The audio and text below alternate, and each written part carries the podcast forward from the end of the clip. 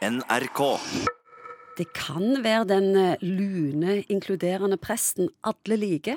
Læreren, unger og kolleger elsker og beundrer. Eller den engleaktige, omtenksomme nabokona som passer på alle og alltid baker kaker når det trengs. Vi skal snakke om de skjulte narsissistene blant oss, psykolog Egon Hagen. Er det mange av de? Det er ganske mange, faktisk. Og jeg har truffet ganske mange pårørende eller som har vært utsatt for denne type personer i, i terapi.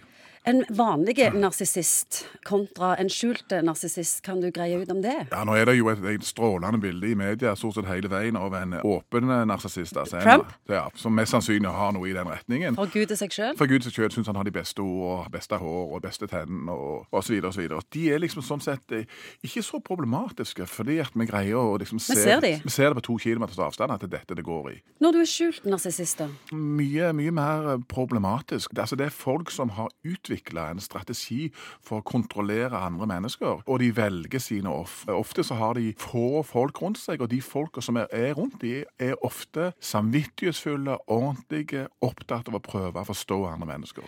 Og det gir et enormt spillerom for disse strategiene, egentlig. De opererer i det skjulte, og, Ja. og det som jeg, når jeg har kommet i kontakt med dette, så har det stort sett vært gjennom pasienter som har en sånn en partner. Og da kommer det stakkars offer og lurer på at det er noe gale, og jeg vet ikke om det er gale med meg, eller om med den jeg lever med, men jeg føler meg elendig, jeg føler at jeg aldri er god nok. Og det som den narsissisten gjør, er at han vil ofte framstå overfor andre som empatisk, klok, enormt flink til å rasjonalisere. Elskelige. Elskelige, enormt flink til å rasjonalisere egen, hvordan verden ser ut fra sitt perspektiv. Og så bruker han på en måte ordentligheten vår. Han spiller på det, for vi vil alltid prøve å strekke oss mot den andre, prøve å forstå hva den andre tenker, sette oss inn i den andre sted. Og den mekanismen der er det som gjør at de får festa sine tentakler, festa sine klør på folk rundt seg, sånn at de får kontrollert disse folka. Kan du gi noen konkrete eksempler på en eh, skjult narsissist? Eksempel er at uh, du fersker liksom narsissisten i at han har skrevet en erotisk tekstmelding som åpenbart tyder på at han har en relasjon. Det narsissisten da vil prøve på, det er å overbevise deg om at du er Hvordan kan du tenke i disse baner? Etter alt dette vi har holdt på med, etter alt dette som jeg har vært for deg, så tillater du den type frekkhet. Og så satser narsissisten faktisk på at egen overbevisningsevne er så sterk, og den andres ønske å komme i møte er så sterk, at vedkommende, som da er offer i dette, bare tenker at det er sikkert min feil. Jeg burde selvfølgelig aldri Jeg burde ikke lest denne tekstmeldingen, og jeg har selvfølgelig feilfortolka det helt. Er det mulig å gjøre en skjult narsissist frisk? Er det bare å komme seg vekk? At disse personlighetsforstyrrelsene har vi jo i utgangspunktet ikke all verden å skryte av i forhold til behandling. Det jeg har opplevd for min egen del, at eh, det som kan være et vendepunkt, er skam. Vi sier at Skam er jo bare en triste ting, men akkurat hvis vedkommende ser seg sjøl i speilet en dag og sier 'Hva er det jeg har holdt på med? Hvor ble det av alle?'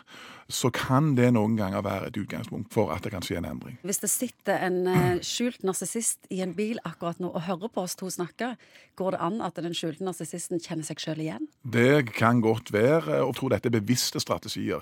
Det er offensive strategier, det er ikke offerstrategier. Narsissisten gjør dette for det er en ekstremt effektiv måte å opprettholde eget selvbilde og styre andre mennesker på. Og hvis du sitter en annen person i en annen bil og tenker at jeg er gift med en sånn, hva i granskauen skal den personen gjøre? Noen er jo sånn at de går i behandling i forhold til dette, og da er det noen ganger sånn at denne skjulte narsissisten vil ofte være så flink egentlig, å situasjonstilpasse seg at han kan faktisk framstå som ekstremt empatisk, forståelsesfull i behandlingen. Lure psykologen? Lure psykologen trill rundt. Så hvis du ikke har en dreven psykolog i andre enden, så kan dette gjøre bare vondt verre. Sånn at den stakkaren som egentlig er offer i dette, òg blir offer faktisk i terapisituasjonen. For det blir nesten en allianse mellom narsissisten og terapeuten. Så ofte vil offeret oppleve at vedkommende framstår så, så empatisk og klok og rasjonell og fornuftig overfor alle andre, men ikke overfor den som på en måte er fanga i dette spillet jeg sier det er mye bedre bare skli forsiktig ut til venstre. Ikke ta en fight, for det kan bli et vanvittig blodbad. fordi at den skjulte narsissisten vil gjøre alt han kan på å idiotforklare, ødelegge for deg, sånn at du skal framstå som syndebukken i dette. Så mitt absolutte råd er bare skli forsiktig ut til venstre.